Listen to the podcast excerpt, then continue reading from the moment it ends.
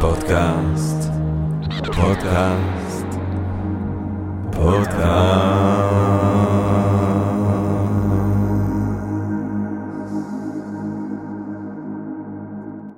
טוב, גבירותיי ורבותיי, ברוכות וברוכים הבאים לפודקאסט של Think and Ring Different, פודקאסט למי שאוהב לחשוב ולשתות.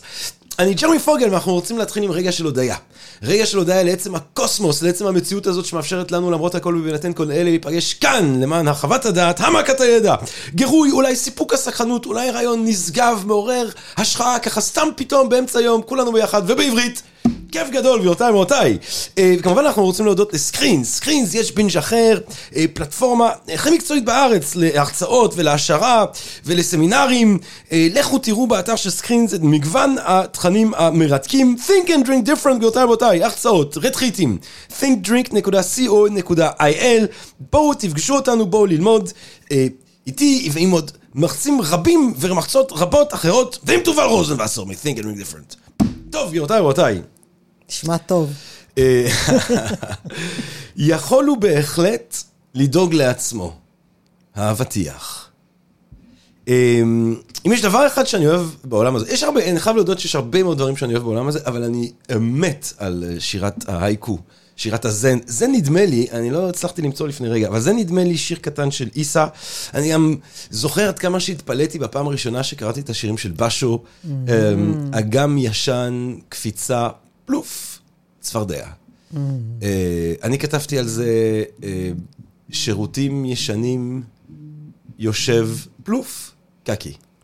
אה, אבל אה, בשו, אה, ובשו יש גם, אני חושב שזה של בשו, לפני שנולדת לפני הוריך, מהם פניך המקוריות.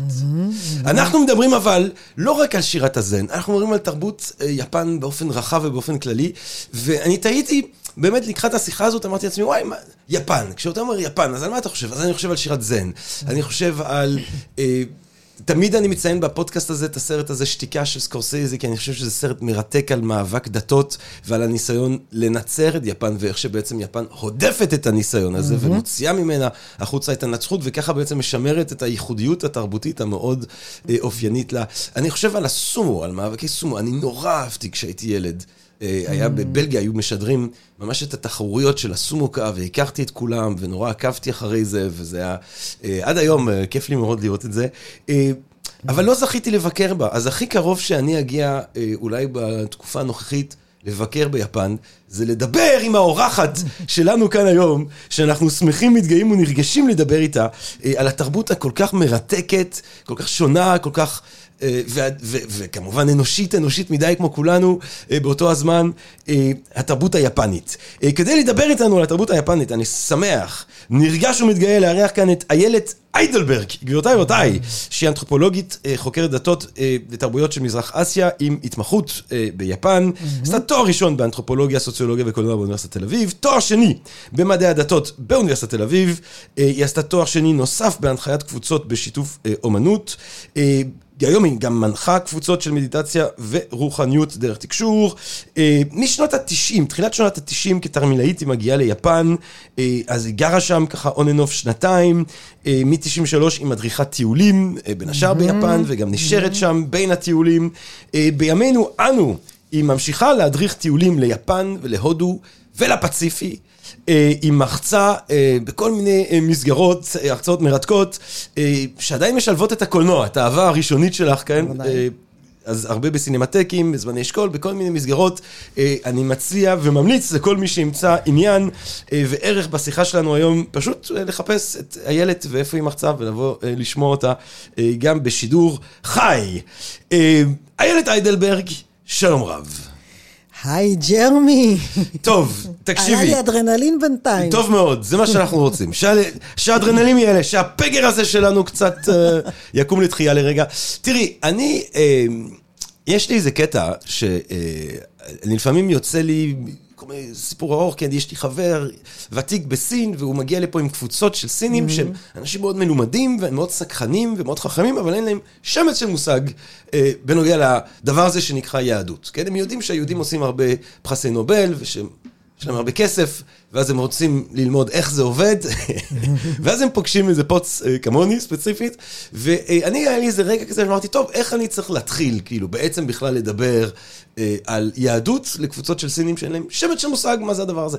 עכשיו, בגלל ש... אה, יש, יש לנו את הספרון המכונן הזה שם, אה, התנ"ך, אז אני תמיד אוהב להתחיל מבריאת האדם, ולהדגיש את בריאת האדם האוניברסלית, כן, להדגיש את הצדדים היותר מחמיאים אולי אה, של המורשת העתיקה שלנו במובן הזה.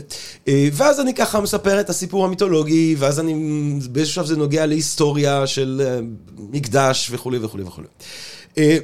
אני רוצה פשוט לזרוק לך, את יודעת, אנחנו אוהבים כאן לחתוך ישר לווריד הצוואר, ואני קשקשתי את עצמי כבר לדעת, אז אני פשוט אזרוק לך את השאלה איפה היא אה, וריד הצוואר, מאיפה אנחנו צריכים להתחיל אם אנחנו רוצים להתחיל לדבר על יפן.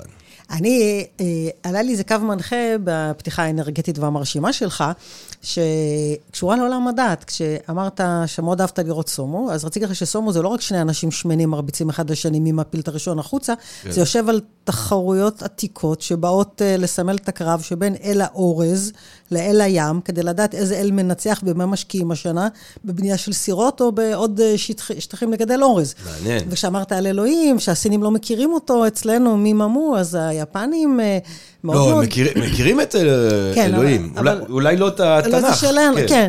אז דווקא היפנים שם, והרבה יפנים יודעים שהאלוהים של היהודים הוא משהו מיוחד, הוא עובד מצוין. תראו, אה, אפשר להתווכח עם ההצלחות שלו, אז... אה, יש שם איזו הסתכלות טוב, זה שנוי במחלוקת, כן, יש גם, יש גם פדיחות. הפסקת השירותים שלו בין 40 ל-45 למשל. כן, כן, אז בכל אופן היפנים יש להם הסתכלות מאוד מעניינת. אני, מאיפה להתחיל? אני חושבת שמה שאותי מרתק במיוחד בתרבות היפנית, זה השילוב בין ניגודים. Mm. בין דברים, הזכרת את שירת ההייקו. Mm. שיא עידון, הדיוק, אומנות נשגבת, כמו גם ציורי הדיו וכמו אומנות עיצוב הגנים, מן הצד השני, אה, אכזריות אה, מטורפת, כן. אין מלחמת העולם השנייה, ואין בחינוך ילדים היום, זה לא נגמר מלחמת העולם השנייה. כן. כן, אה, מקום שתמצא בו את האוכל הכי טעים בעולם, חד משמעית, מצד שני יש שם גם את המאכלים הכי מגעילים בעולם, כמו סויה מוצסת, רקובה, מגעיל כמו שזה נשמע, עתיר חלבון. מקום שיש בו מוזיקה מאוד מעודנת, ומצד שני... מוזיקה בלתי אפשרית, תוכניות טלוויזיה מטופשות מול קולנוע סופר איכותי. האמת, כן, התוכניות טלוויזיה זה כאילו העתיד של הטלוויזיה באיזושהי צורה, כי זה לקחת את האלמנטים הפורנוגרפיים, הבדרניים, הגרוטסקיים של הטלוויזיה, וללכת איתם עד הסוף. כן, לאקסטרים מטורף. כן, כן. כן, כמו תחרות מי לא יבלע את הג'וק באיזה...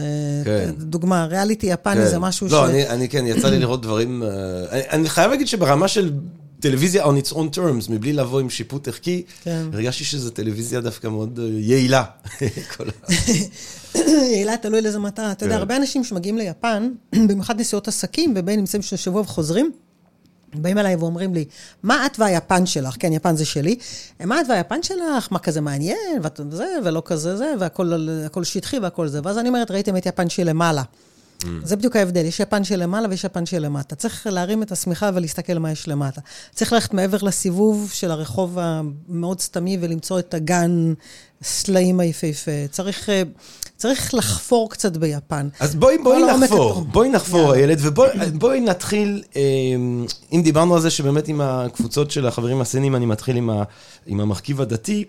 אה, המרכיב הדתי, אנחנו כמובן חושבים אה, על הבודהיזם, כן, דיברנו על שירת ההייקו, על הזן, אבל אה, אנחנו יודעים גם שהבודהיזם מתחיל בהודו, אז לאט לאט mm-hmm. מתפשט מזרחה. מה היה לפני הבודהיזם? איזה סוג של דתות, איזה סוג של רוחניות? כן. הייתה רוחנית היפנית לפני הבודהיזם. אני אגיד לך, אה, יש פה, זה מרתק. מצד אחד, הבודהיזם יכול להיקלט, כי היפנים לא עושים עניין משום דבר, מדברים כאלה, זה לא נראה להם עקרוני לעשות עניין, כמו אצלנו, זה או שאתה יהודי, או שאתה מוסלמי, וגם יש לכם רשות להרוג אחד את השני, כי אתם מאמינים בדרכים שונות. לא ביפן, גם לא במזרח אסיה בכלל, בטח שלא ביפן. מה, הדת המקורית... כן התנגדו מאוד לנצרות, אבל מתוך הבנה כן, שזה בא עם קולוניאליזם. כי הנצרות כן. דרשה, מהם לוותר על כל מה שהם האמינו בו עד אז. כן, כן. קודם כל, הדת המקורית היא השינטו. השינטו. עכשיו, שינטו שייכת לקבוצת הדתות העממיות. אותן קבוצת דתות שאין להן תאריך התחלה בזמן, אין אה, נביא, חוזה, הוזה שיצר אותם תאריך מסוים, אין היררכיה, אין אה, אה, ספרים אה, קנונים, אין...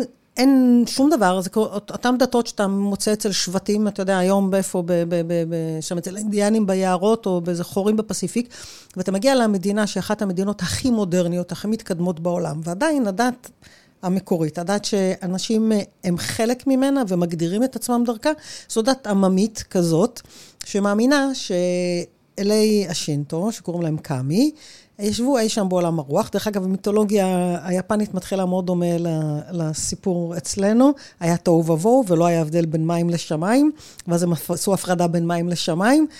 מעניין כמה דמיון יש שם, ואז... כשהם הביטו על, ה, על הים, הם uh, לקחו את החרב שלהם ועשו, הקציפו קצת את, ה, את מי הים והרימו את החרב ועשו ככה, uh, ו, וטיפות נידזו ונקרשו על פני המים ונוצרה שרשרת איי יפן. והם ירדו לשכון על פני האדמה, והם התרבו על פני האדמה, ואחר כך נולדו בני אדם. אז קודם כל תפיסת היסוד של אדמת יפן חיים ביחד, אלים ובני אדם. והאלים נמצאים שם, והם נמצאים בטבע, וכמה אלים יש? המון. אם תשאל כמה קם יש, יגידו לך שמונה מיליון, אבל זה סתם מספר. אף אחד לא יודע כמה, יש המונים, אז אומרים, שמונה מיליון. Mm. הם נמצאים בטבע ונמצאים במקדשים שנבנו עבורם, ואין להם צורה, ואין להם מראה, ואין פסל בדמותם. אוקיי, הדבר היחידי שיש במקדש שמסמל אותם זאת מראה, וכשאתה מסתכל במראה אתה רואה את מעניין. עצמך, זה קצת כמו שאנחנו נבראנו בצמל אלוהים, אתה יודע, יש כמה דברים מעניינים שהם חופפים. ודת השינטו, היא דת שלא היה בה שום עיסוק בשאלות מאוד מאוד מעניינות, כמו מאיפה באתי, לאן אני הולך, האם הייתי פה קודם, אני, האם אני איוולד שוב, האם יש לי נשמה, יש משהו נצחי, יש... אנשים היו מתים והיו קוברים אותם בקברי האחים וזהו. והדת הזאת התעסקה, התעסקה במה שחשוב, עניינים חקלאיים, אנשים חיו מגידול של אורז, היה צריך לברך את השדות כששותלים אותם, שהאורז יגדל יפה, צריך לברך בסוף, בסתיו, שקוצרים את האורז כדי להודות לאלים. הכל נסב סביב אה, חיי היום-יום, ומכיוון שזה שרשרתיים, חלק מהאנשים התפרנסו. נכנסו מדייג, וכמו שאמרתי קודם על הסומו, היה צריך להחליט כל שנה איפה שמים את המשקל השנה. אז לוקחים את שני הגברים הכי שמנים בכפר, הכי גדולים, הכי חזקים, והם מתחרים ביניהם. אחד מייצג את אל האורז, ואחד מייצג את אל, ה... אל הים. ומי שמנצח, זה המסר של האלים, איפה לשים את המשקל בשנה הבאה. סליחה? מעניין.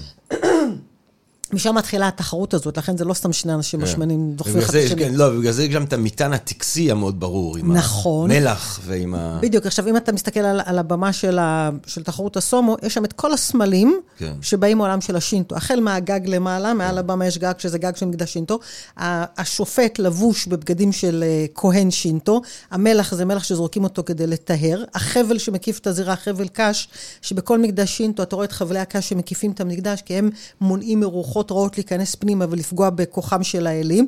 מה שה... אם אתה זוכר, המתאבקים כשהם עולים, יש להם, הזוכים יש להם מין אה, גזירות נייר לבנות שתלויות להם מקדימה. כן. זה חלק מהגוהים, מאותם, אה, הגזירות נייר הלבנים, הגזירות, גזרי הנייר הלבנים שתלויים על חבלי הקש, הם אלה שמטהרים את המקום ומונעים כניסה של רוחות רעות. זאת אומרת, הם מסמלים את האלים, אז מגינים עליהם כרגע כמו שמגינים על אלים במקדש. זאת אומרת, mm. כל הסמלים של השינטו נמצאים שם בזירה. ורק צריך, אה, אתה יודע, להכיר, לדעת לחפש את זה. אז בכל אופן, השינטו עסק בחיי היום-יום, לא התעסק במה שקורה מעבר לזה. עזר לאנשים, כן, האלים ברכו את שדות האורז, האלים זה, טקסים, פסטיבלים. אין ממסד, זה לא, אתה יודע, ותיקן עם בישופים וארכיבישופים ושום דבר. כל, לכל כפר יש את המקדש שלו, ויש את הכהן שינטו שלו, והכהנים, אה, זה כמו רבנים אצלנו, זו עבודה שלהם, הם מקבלים על זה כסף, הם מתחתנים, יש להם משפחה, הם לא נזירים. ואז הבודהיזם שנוצר במאה החמישית לפני הספירה בהודו, נדד, נדד, נדד. אה, לסין הוא כבר הגיע במאה הראשונה לפני הספירה, אבל רק במאה החמישית לספירה נוצרים קשרים בין יפן לבין היבשת. עכשיו, הקשרים האלו מאוד מעניינים, כי יפן הייתה מדינה מבודדת. יש אה, מיצר ים שהרוחב שלו בערך 200 קילומטר, שמפריד בין יפן לבין היבשת. ומיצר הים הזה הוא בדיוק ברוחב המתאים. מצד אחד, הוא רחב מספיק כדי שגלים של כובשים לא יגיעו ליפן ולא יכבשו אותה, ראה ערך מונגולים למשל. Mm-hmm. מצד שני, הוא לא מדי רחב, הם לא תקועים באמצע הפסיפיק, זאת אומרת, אפשר לעבור אותו. וליצור קשרים עם העולם הגדול. ואז מבק... באים מבקרים סינים, והתיעוד שלהם הוא כזה, באותה שרשרת איים חיים גמדים צהובי עור, אתה שם לב, גמדים, מי, מי, מי אומר את זה? הסינים, הוויקינגים, כל אחד שני מטר ובלונדיני. גמדים צהובי עור שאינם מתקלחים. או, זה היה- זה היה כואב. לדעתי, אני, ה- התיאוריה הפרטית שלי, כל מה שהם עשו למלחמת העולם השנייה, הפנים הסינים, זה נקמה על הגמדים צהובי עור שלא מתח- לא מתקלחים. בכל אופן... חתיכת נקמה יש לומר, טוב, כן, נגיע לזה כן, בהמשך. כן, והם אה, מתחילים קשרים, ואז היפנים יוצרים קשר. סין הייתה אימפריה אדירה, מאה חמישית לספירה, מאה שישית לספירה, מדינה מתקדמת. עם ערים בנויות, עם רחובות שתי כן. וערב, מערכות ביוב וכתב, ניהול בירוקרטי מדהים של המדינה. בכלל באירופה עוד גרו על עצים פחות או יותר, כן. סין הייתה סופר מתקדמת, ואז היפנים מתחילים לשאוב מסין. את מה שחסר להם, לוח שנה לא היה להם, כתב לא היה להם, אה, שיטת בניית ערים אה, ופילוסופיות ודתות, הכל זורם ליפן. כן. והיפנים יש להם, אה, יש להם קטע כזה, שהפך אותם למה שהם. היפני אומר, אני לא המצאתי את הגלגל, נכון? למה אני צריך לשבור את הראש להמציא גלגל חדש? אני אקח גלגל שמישהו אחר המציא, אני פשוט אשפר אותו ואתאים אותו לצרכים שלי. וזה מה שהם עושים, מהמאה החמישית לספירה ועד היום. זאת אומרת, היפני לא... מה שאמרתי מקודם, שהדבר הכי, אחד הדברים הכי מהותיים להבין אותם זה הענייניות שלהם. מה, אני עכשיו למשחקים של כבוד עצמי, אני צריך להמציא משהו שלא קיים? מישהו אחר עושה את זה. הישראלי שגדל עם, בש, במערכת חינוך שמפתחת את האינדיבידואליות והיצירתיות שלו, לפחות עד היום, בואו נראה מה יהיה הלאה, כן? הוא, יש לו את המוח הזה להמציא טכנולוגיות, אה, להמציא טכנולוגיות חדשות, mm. כן? היפני שגדל בתוך מערכת חינוך שמחנכת אותו להיות בורג טוב במערכת, אין לו את המחשבה החופשית שמאפשרת לו להמציא טכנולוגיה שלא קיימת. בזה אנחנו מאוד טובים. אז אם הישראלי הוא טוב בזה, למה אני צריך לשבור את הראש? אז אני אקח, אני אקנה טכנולוגיה ישראלית ואני אתאים אותה לצרכים שלי ואני אעשה את זה בכל דבר אחר. ככה הם הגיעו למה שהם הגיעו. תראה, מדובר במדינה, בוא נדבר מה זה יפן. שרשרת איים, 380 אלף קילומטר מרובע.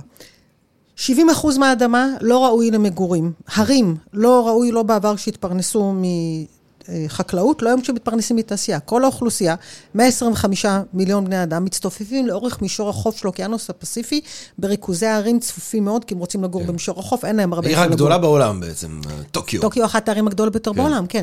עכשיו, מדינה שאין בה אוצרות טבע בכלל. את כל חומרי הגלם לתעשייה הכבדה מייבאים ממדינות אחרות. מדינה שסוף מלחמת העולם השנייה, לא רק הירושימה ונגסקי היו אפר ואבק, כל המדינה הייתה אפר ואבק, האמריקאים עשו שם עבודה מדהימה, בלשטח את כל הערים של יפן, ומדינה שכל כמה זמן חוטפת איזה צונאמי, רעידת אדמה, טייפונים, אה, התפרצויות הרי געש. איך הם הגיעו להיות האימפריה הכלכלית, טכנולוגית, תעשייתית, שנייה בעולם אחרי הברית במשך עשרות שנים, הסינים עקפו לפני עשור, אתה יודע כמה סינים יש בסין? יש לנו איזה מיליארד וחצי, כן. יפן פחות מעשירית, סין מדינת ענק, איך הם, איך הם הגיעו למעמד המטורף הזה?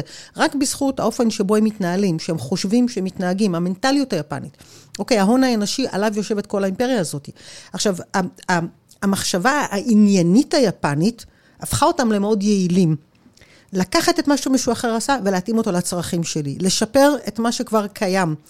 אז באותו אופן, אם אנחנו חוזרים עכשיו למאה השישית לספירה, אז מגיעות פילוסופיות, מגיעות דתות. היפנים לא אומרים, לא, לא, לא, אני שינטו, אל תכניסו לי שום דבר אחר. אוי ואבוי אם אני אראה דת אחרת, זה יוריד אותי, מ, כן, מהאמונה כן. המדהימה שלי. שום דבר, בוא נראה, הגיע משהו חדש, בוא נבדוק אותו. כן. מגיע בודהיזם, אה, בודהיזם מתעסק בחיים ומוות. בודהיזם מביא מהודו את התפיסה של סמסרה, מעגל החיים והמוות, יש נשמה נצחית, רק הגוף הוא זמני, הנשמה חוזרת שוב ושוב ושוב. כן. או, אז המוות זה לא סוף פסוק, המוות זה לא חידלון. יש לנו פה אפשרות להבין שאנחנו נפרדים ממישהו, זה, זה, זה הרבה יותר מקל לדעת שהוא יחזור לפה שוב בגלגול אחר, יאללה, בואו ניקח את זה. כן. והם לוקחים את הבודהיזם לא ביום אחד, אוקיי? זה לוקח 300 שנה עד שהבודהיזם הופך להיות, מקבל ערך שווה מתי, לשינטו. מתי הבודהיזם מתחיל להגיע? אה, ל- 160, מ- סוף מאה חמישית, מאה שישית לספירה. כן. הבודהיזם, כאילו אחרי הספירה, כן? אחרי הספירה, כן, כן, כן. לספירה, כן. הבודהיזם, כמו שאמרנו, לסין הוא הגיע במאה הראשונה, לפני הספירה. כן. הקשרים בין סין והוד, בין סין ויפן מתחילים במאה החמישית לספירה. ששמונה, ובמאה השנה שאחרי זה מתחילים, כן, מתחילות רק אז, רק משהו. ב-400 פלוס זה מתחיל? אה, באמת קשרים? כן, כן, כן, כן. ואז מתחיל, מתחילים לזרום כל מיני דברים, הם לומדים מהסינים המון. כן. גם הדאואיזם שבעצם נמצא נכון, טמון. והקונפוציוניזם. כן. אם אתה מנתח את הבושידו, את קוד הסמוראים, אתה מוצא שם אלמנטים קונפוציוניסטיים מאוד מהותיים, אוקיי? הדאואיזם מגיע, הכל מגיע. עכשיו, היפנים, אבל זה, זה, איך, איך זה שזה יחסית מאוחר? כי הם היו? מנותקים, בגלל, המק... בגלל היותם כאילו מדינת... הטכנולוגיה, הט- הט- טכנולוגיית הספנות לא הייתה מספיק אמינה כדי ליצור קשרים... אה, אה, תראה, 200 קילומטר זה לא כזה רחוק. כן, זה לא סיפור. אה, הקוריאנים, אולי נגיד משהו על הגירות הרי, ליפן. הרי אם אנחנו חושבים על דאואיזם, כן. זה מתחיל כבר במאה מה? במאה החמישית, במאה הרביעית, לפני הספירה. המאה החמישית לפני, המאה החמישית לפני הספירה זאת הייתה המאה המטורפת, כן, the axial age. המטורפת, כן. בודה. בודה, ו- ש- והפילוסופים היוונים, נכון. ופה הנביאים, וכאילו נכון. הדבר הזה שבכל העולם יש איזו התעוררות. וקונפוציוס, וקונפוציוס. ולאוצה של הדאואיזם, לאוצה. ומעבירה של הג'ייניזם. כן. ובודה, ו- כן, זה מין מאה כזאת, כן. כן, המאה המטורפת. ופיתגורס, ואחר כך כן. עוד רגע סוקרטס אפלטון, ופה יש נביאים. מדהים, נכון? כן, קורה איזה משהו. אלינו עוד איזה מאה כזאת, אולי תוציא אותנו הלוואי, הלוואי. כן. מחכה לעוד מאה כזאת. לגמרי. היה גם מעניין להפגיש אותם, הם, הם חיו באותו זמן פחות או יותר, הם. יכלו להיפגש כולם. היה איזה איזה סיור. מוחות מטורף. ממש. כן. כן. והיפנים, למשל, אבו שידו לוקח את הזן בודהיזם ולוקח את הקונפוציאניזם, ויוצר מהם, אה, יוצר מהם קוד אחד. עכשיו, אה, אה, אני, אני לא זוכרת אם אמרתי את זה כבר בשיחה הזאת או בשיחה המקדימה שלנו, שמה שמרתק ביפן זה המקום של הניגודים.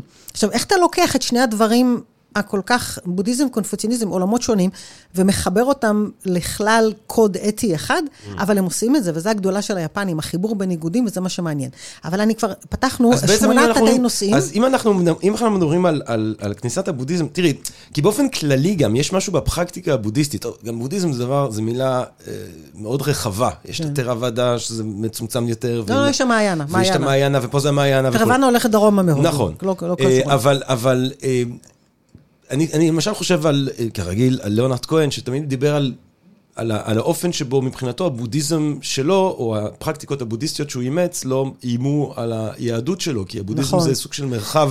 זאת אומרת, הבודהיזם כן היא אה, רגע, רגע, דת, אני או חי- פרקטיקה, חי- או סוג חייבים- של רוחניות, ש, כן. ש, שכן בצורה...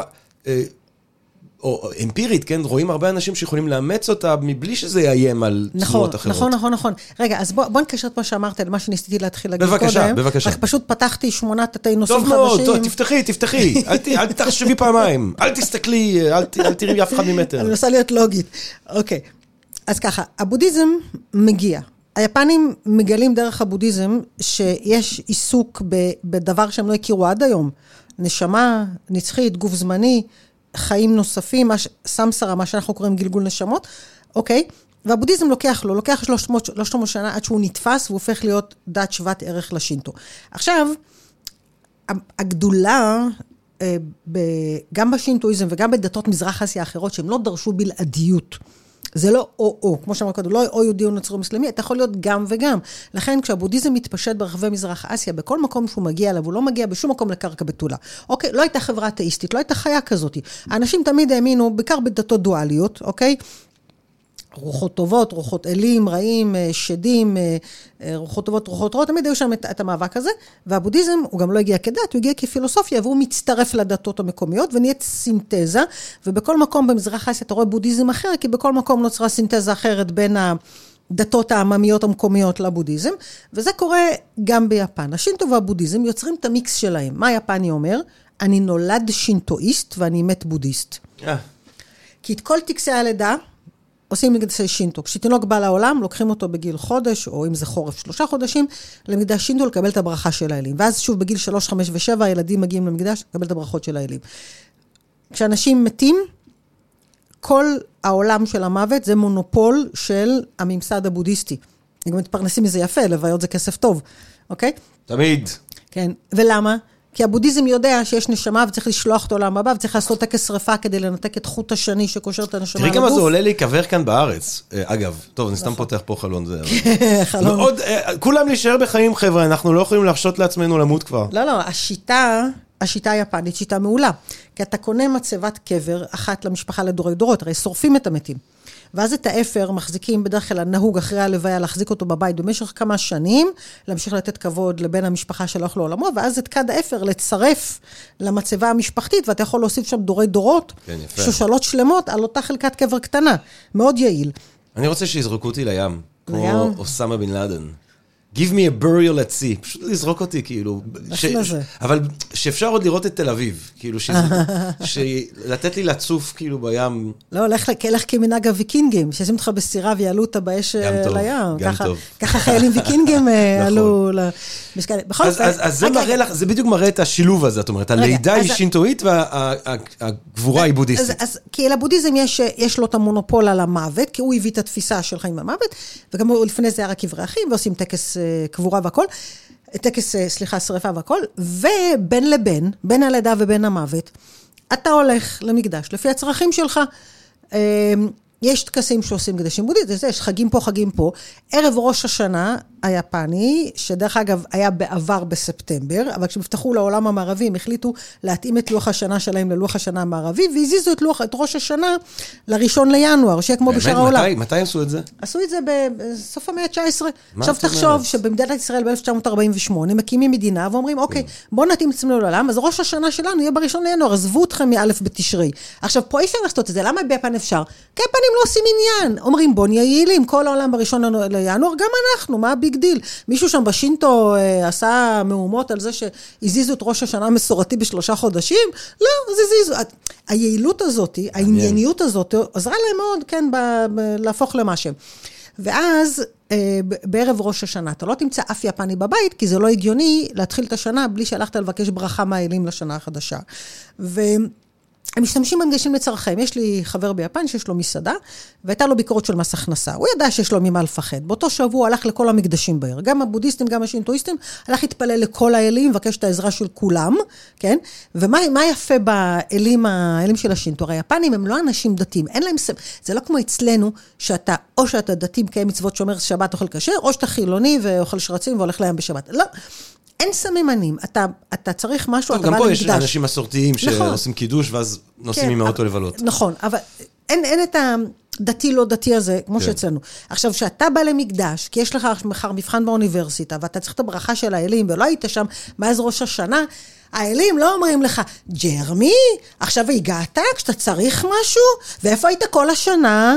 נראה לך שהאלים מדברים ככה? לא. באת עכשיו, סבבה, תשים את המנחה שלך, מנחת כסף היום, ונברך אותך, מה הבעיה? no big deal, לא עושים עניין, זה לא פולנים, כן. אוקיי? ו- וככה אפשר, אתה יודע, חיים עוברים הרבה יותר בקלות כשאנחנו לא עושים עניין, כולל האלים שלא עושים עניין. ואתם מגיעים ליפן, וזאת נראית לכם מדינה חילונית לחלוטין, אתה לא מוצא כלום. אבל אז שאתה נכנס פנימה, כמו שאמרתי, לך מעבר לפינה, תרים את השמיכה, תתחיל לראות את מה שקורה.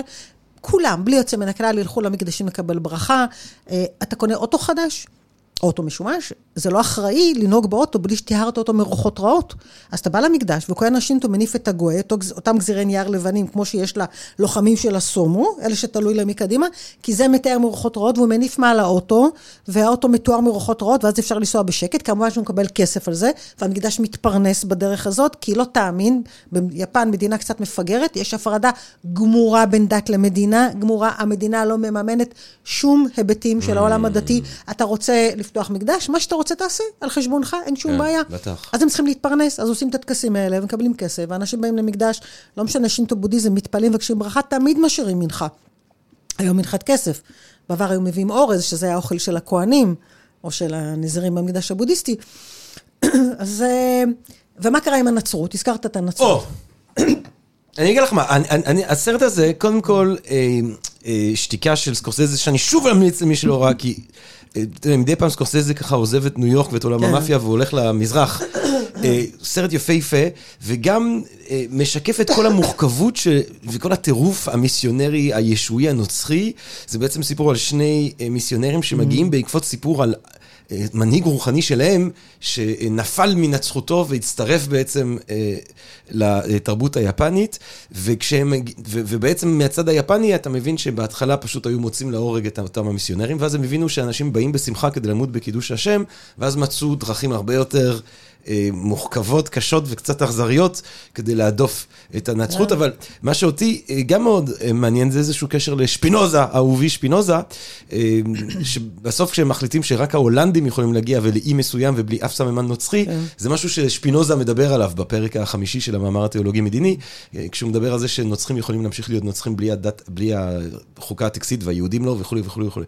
כן, אז הנצרות, בעצם הם, הם הודפים את הנצרות. באים המיסיונרים, ואומרים, הבאנו לפה מישהו חדש, קוראים לו אה, ישו, כן? ישוע צריך להגיד, ישו זה לא... ישוע. שגם חלק הרי מהדבר המטורף זה שאתה צריך לשכנע אנשים שבה יש מסורת של כיבוד אבות וכיבוד אבות מתים, אה, אתה צריך לשכנע אותם שהסבתא והסבא שאתה כאילו מתפלל להם, הם בעצם בגיהנום. כי הם לא זכו לשמוע את הבשורה, שזה דבר מאוד, זה אולי ניגוד שכבר היה קשה מדי uh, להכיל. אז אני אגיד לך מה קורה. אז באים המיסיונרים, והם uh, אומרים ליפנים, תוותרו על כל מה שאתם מאמינים בו, ותאמצו דת חדשה. כן.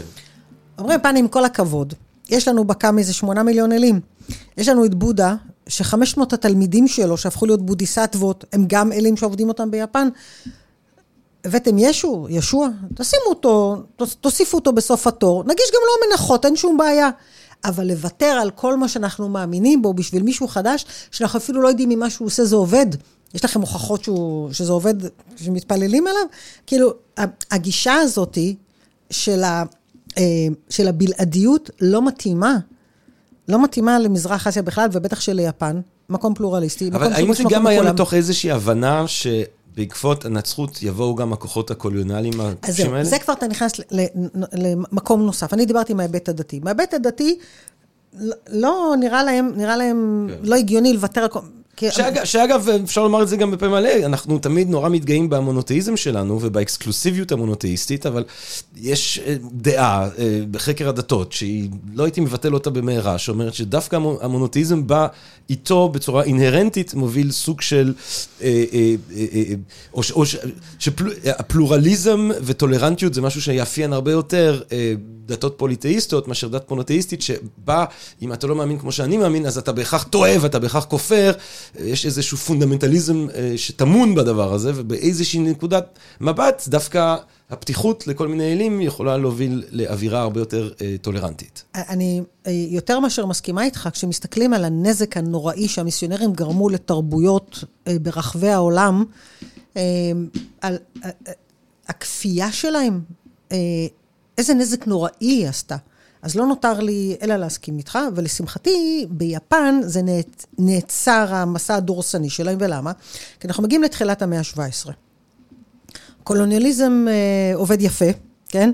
אה, עמי אירופה, שהיתרון היחידי שלהם הוא שיש להם נשק חם, כן, ולא שום דבר מעבר לזה. מתחילים לנכס המשחק מונופול הזה, עד היום אני, אה, עולה לי אדם לראש כשאני חושבת על זה. אה, משחק מונופול, מי מגיע ראשון, תופס, אומר זה שלי, משתלט, ועכשיו אנשים שחיו על אדמתם באופן חופשי, כמדינות, אה, אתה יודע, עצמאיות, מוצאות את עצמם תחת כיבוש אירופאי, בזכות זה שלאירופאים יש נשק חם, ואז אי אפשר להתמודד נגד זה.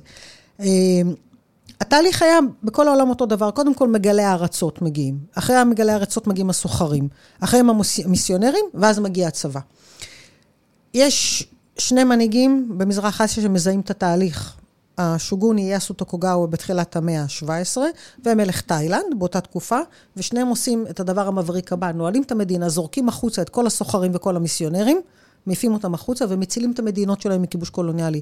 אלה שתי המדינות היחידות שלא ספגו את הדורסנות של הכיבוש הקולוניאלי האירופאי.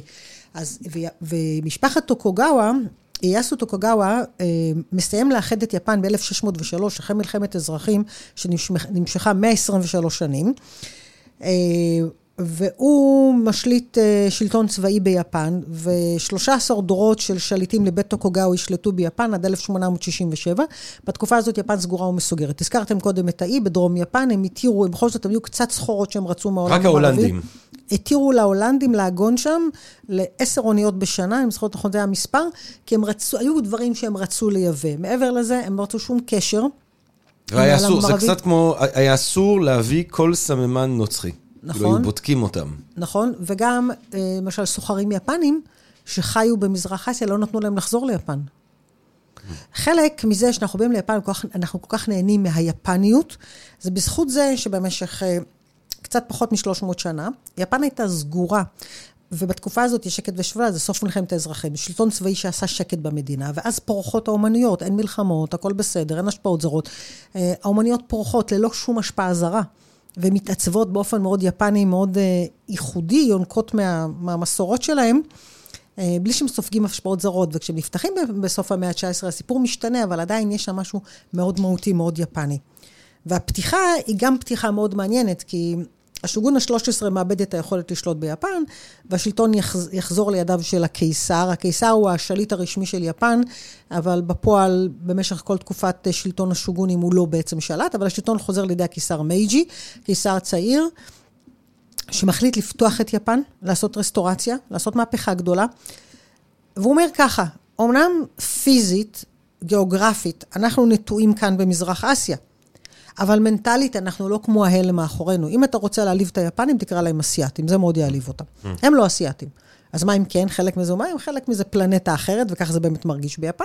והוא אומר, גיאוגרפית אנחנו פה, מנטלית אנחנו מעבר לים, והם מחליטים בהחלטה מודעת להפוך את יפן למדינה שמתנהלת באופן המערבי. הם שולחים סטודנטים לאוניברסיטאות בארצות הברית ובאירופה ללמוד את כל המדעים החדשים, את כל מש... יפן כשנפתחת, זה מדינה שכל התושבים שלה או מגדלים אורז או דגים דגים בים, אין תעשייה מודרנית בכלל, אין כלום.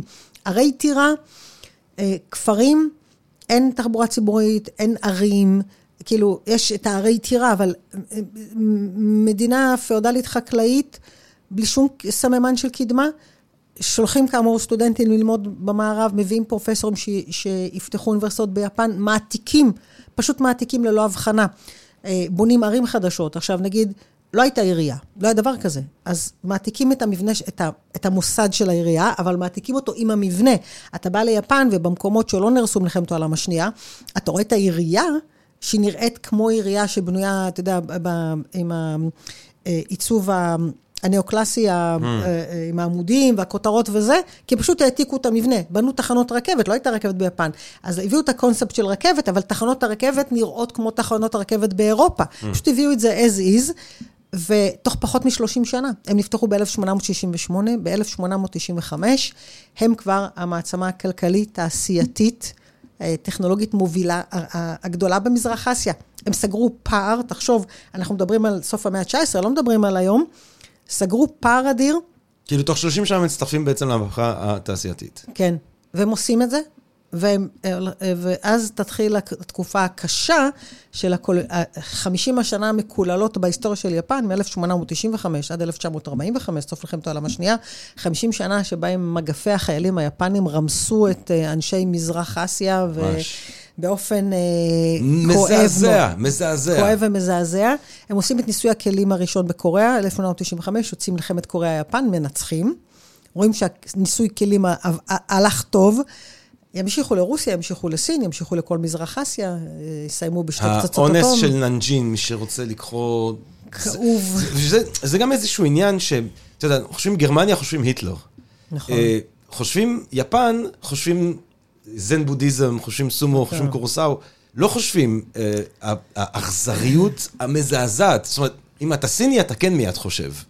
כן. כי הסיפורים על האונס של ננג'ין, אנחנו מדברים על באמת, קודם כל, אונס של לא נשים ברמה תעשייתית, על אה, הורדת אור, אור של אנשים, כאילו עינויים מזעזעים, ניסויים בבני אדם, יחס פשוט נאצי, באמת, חוץ מהנאצים אי אפשר להעלות על הדעת על אכזריות דומה. תרשה לי מצליחה על סרט, יש סרט סיני, ש...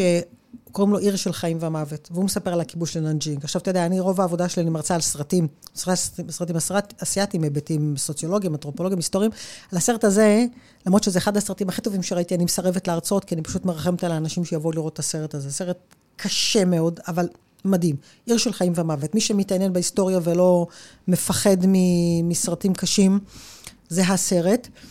אז מה, אה, מה, מה, מה קרה שם? איך את רואה את ה... זאת אומרת, אם אנחנו צריכים להתייחס לזה, זאת אומרת, אם אנחנו כמו של לחשוב איך גרמניה של גיוטו, נכון. של בייטהובן, של קאנט, מגיעה אה, לאושוויץ, איך יפן של בשו, של איסה, אה, של התרבות הזאת, של, ה, של הפתיחות שלה, שלה לניגודים וזה, איך היא מגיעה לכזאת אכזריות ולכזאת אה, חוסר כל, אנושיות? קודם אה, כל, יש סימן שאלה מאוד גדול מה, מה מרחף למעלה.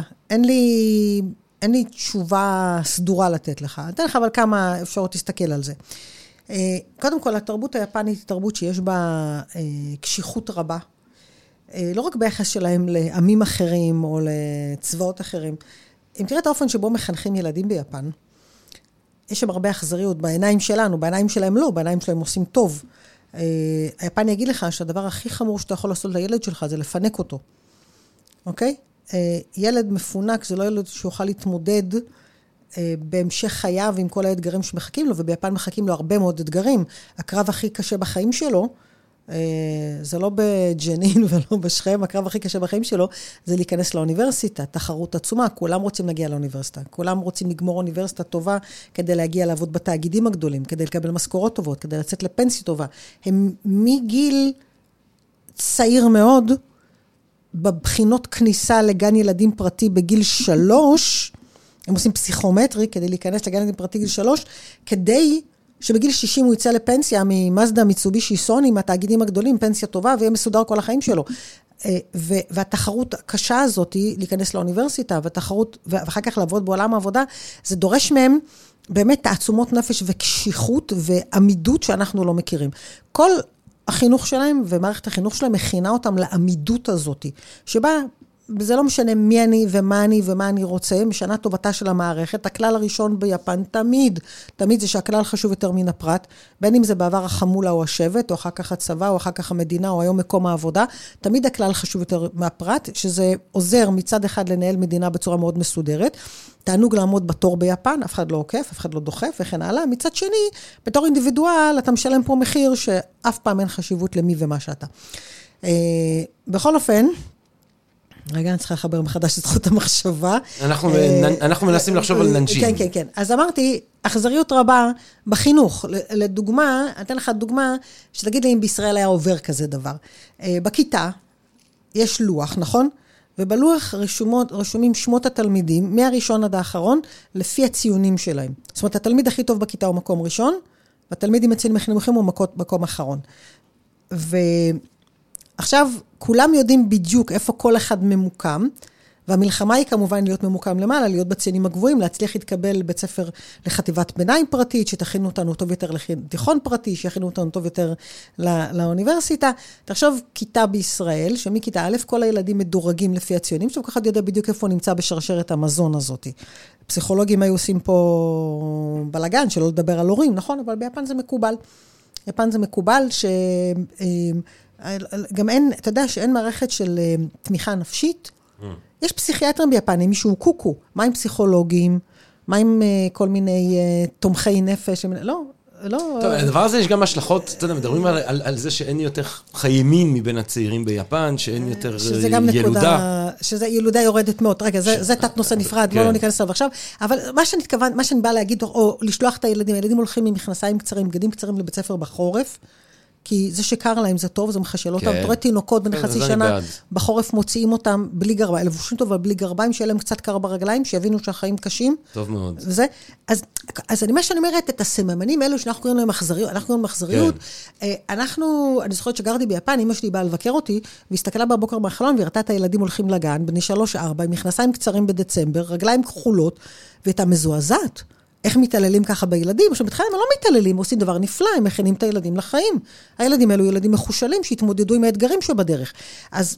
אז מה, אז מה שאני באה להגיד זה קודם כל, שבתוך העולם היפני יש הרבה מאוד דברים שאנחנו נקרא להם אכזריות, והם מתייחסים לזה כמשהו שהוא כן. סביר לחלוטין.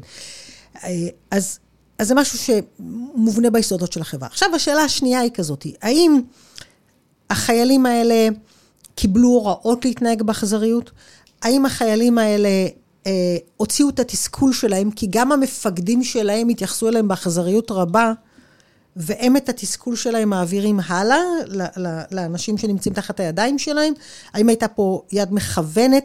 התשובות האלה עד היום לא ברורות באופן חד משמעי. מה שאנחנו יודעים זה שגם החיילים בצבא היפני, המשמעת הנוקשה, ההיררכיה המאוד מאוד נוקשה ביפן, באה לידי ביטוי בצבא. כן. עוד סרט נפלא, אחד הסרטים... וגם, הכ... יש לומר שנדיר שכיבוש אה, הוא דבר אה, סימפטי, בטח ש... אתה יודע, הכיבוש הוא אבסולוטי ורצחני. רגע, אני רוצה, אני תכף, אני, רוצה להוסיף, לקחת את זה עוד קצת קדימה. רק עוד המלצה על סרט אחד. קלינט איסטווד, הגאון, עשה את מכתבים מוואג'ימה. נכון. אוקיי? אני אגיד מילה על זה, שנייה רגע. הוא הלך ועשה סרט שקוראים לו גיבורי הדגל. יש את הסיפור של איוואג'ימה, האי שנמצא 1,200 קילומטר מיפן, שהאמריקאים רוצים לכבוש אותו כדי שיהיה להם בסיס שממנו המטוסים יוכלו לצאת להפציץ את יפן. אנחנו ב-1945, מלחמת העולם השנייה. עכשיו, האי הזה, יושבים פה, פינו את התושבים, יושבים בו חיילים יפנים, היו 20 אלף חיילים יפנים. אה, ש, שאומרים להם, אתם, משימת חייכם זה להגן על האי, כי אה, אם האמריקאים יכבשו אותו, יהיה להם מקום שממנו הם יוצאים להפציץ את יפן, זה הסוף של יפן. אה, אין להם אוכל, נגמרו גם המים, זה אי בלי מים. נגמר האוכל, נגמר המים. החיילים המסכנים האלה, צריכים עכשיו בגופם להגן על האי, מגיעים 110 אלף חיילים אמריקאים, ונוחתים על החוף ומתחיל קרב. המודיעין האמריקאי אמר, הקרב הזה יימשך חמישה ימים, הוא נמשך 35 ימים. הם עשו להם, היפנים שם נלחמו עד טיפה דמם האחרונה. 230 חיילים יפנים הצליחו ליפול בשבי, הצליחו. כל השאר או נהרגו בקרבות או התאבדו בסוף, כמו סמוראים טובים. עשו חרקר, התאבדו, והיו כאלה שרצו, שהבינו, תפסו רגע את הראש ואמרו, באמא שלכם, אני רוצה לחזור הביתה בשלום. וגם שמועות שכשנופלים בשבי אצל האמריקאים, האמריקאים נותנים מים. Mm. לא רק שם, כי כל הזמן סיפרו להם שהאמריקאים יתאכזרו ויהרגו אותם וזה, ואז נפוץ השמועה שהאמריקאים נותנים מים, כי כבר לא היה להם מים. ואלה שניסו לערוק ירו להם בגב כדי שהשאר ילמדו לקח. אז 230 הצליחו ליפול בשבי, בקיצור. אז, ושמה, הקרב הזה היה קרב אמיץ מאין כמוהו. אז, אז, והאמריקאים חשבו אחרי חמישה ימים שהם כבשו את האי, והניפו את הדגל על ראש, ואז התברר להם שאיפה כל היפנים עוד במחילות ומחכים ללמוד שלוש ימים של קרב. גיבורי הדגל זה השישה שהניפו את הדגל, קלינט איסטווד הולך ועושה עליהם סרט, ואז תוך כדי עשיית הסרט הוא מבין שלמלחמה היה גם צד נוסף. היפנים, הם לא כולם היו מפלצות אדם.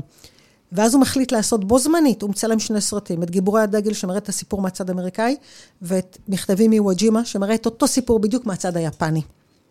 סרט, גיבורי הדגל אני פחות אוהבת אותו, אבל מכתבים מוואג'ימה זה סרט מדהים. מה הוא חשוב לענייננו? אתה רואה את היחס שהחיילים הפשוטים והמסכנים מקבלים מהמפקדים שלהם, והמפקדים שלהם מתעללים בהם, וקשוחים אליהם בצורה יוצאת דופן, אז אתה יכול להבין שזה לא ש... הם, המקום הזה של התנהגות קשוחה, או של אפילו התעללות, בא יש מאין. הם בעצמם ספגו את זה. אז גם אני את השאלה אם יצאו משליטה, לא יצאו משליטה, התכוונו, לא התכוונו, השאלות האלה נשארו פתוחות. אבל היפנים אומרים, אחרי המלחמה, אתם שופטים אותנו הרבה יותר באכזריות מאשר אתם שופטים את הגרמנים. היפנים אומרים, אנחנו... מי, מי שופט אותם יותר להורג, הוצאו להורג, היו, היו להם משפטים אחרי המלחמה, ומנהיגים יפנים הוצאו להורג. בסדר, גם, היה גם את נירנברג.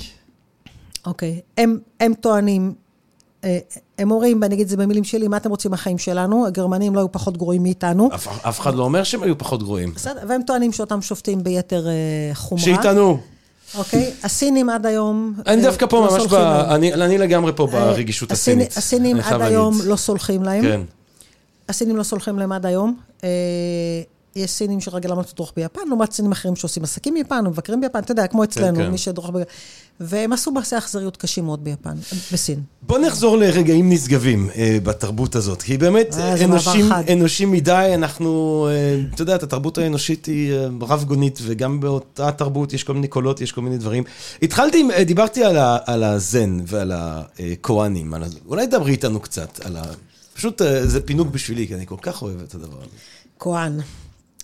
בכלל על זן. על זן. שירת אוקיי. הזן. בוא נתחיל מזן קודם. איך הזן נוצר? או. סין, שהייתה מאוד מאוד פלורליסטית, אוקיי? והבודהיזם מגיע. ויש כבר בסין דתות אחרות, ויש פילוסופיות אחרות. ויש את הקונפוציוניזם והדאואיזם. תקופת, הם קוראים לזה תקופת עשרת אלפים האסכולות. כן. עכשיו, גם הקונפוציוניזם, גם הדאואיזם וגם הבודהיזם, שלושתן פילוסופיות שנהגו על ידי אנשים שחיו דמויות היסטוריות, חוץ מלאוצה של הבורם היסטורי כן. מיתולוגי, אבל קונפוציוס ובודה.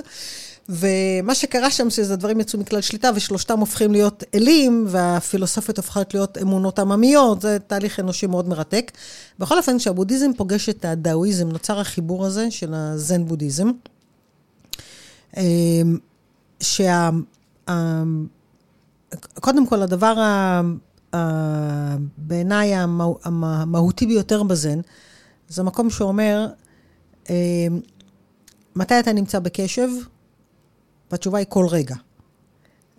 הפרקטיקה בזן הרי זאת, סליחה, הפרקטיקה בבודהיזם זאת המדיטציה. נכון? בודהיזם אין לנו תרג מצוות. אתה רוצה להיות בודהיסט? שני דברים. א', תחיה חיים מוסריים, שבהם אתה לא פוגע לא באחר ולא בעצמך. ב', תעשה מדיטציה, התבוננות פנימית. זהו, שני, זה, זה, שני הדברים האלה שמים אותך על, ה, כן, על הדרך הבודהיסטית. עכשיו, בא זן בודהיזם ואומר, איזה יופי שישבת על הספה בסלון שעה וחצי הבוקר. ועשית מדיטציה חבל על הזמן, והתבוננת וראית וזה וזה. ואז יצאת החוצה, והשכן עוד פעם השאיר את השקית של הזבל ליד הדלת שלו, וזה מסריח, ובאמת כבר הגיע לך עד לפה, תפסת אותו, דפקת לו מכות. מה עזר השעה וחצי על הספה בסלון? אל תתחום את המדיטציה לזמן התבוננות שלך. תהיה במדיטציה באורך, בהלך רוח מדיטטיבי מהרגע שאתה קם עד שאתה הולך לישון. בתקופה שחייתי ביפן, הלכתי ושהיתי שלושה חודשים במנזר זן, רציתי אה, וואו. לחוש את זה. כל יום התגעגעתי לטירונות. בטירונות שלי היה הרבה יותר פשוט וקל. אה, כמה שעות עמדת או ישבת מול הקיר? זהו, זה היה, הסדר היה כזה, אה, השכמה ב...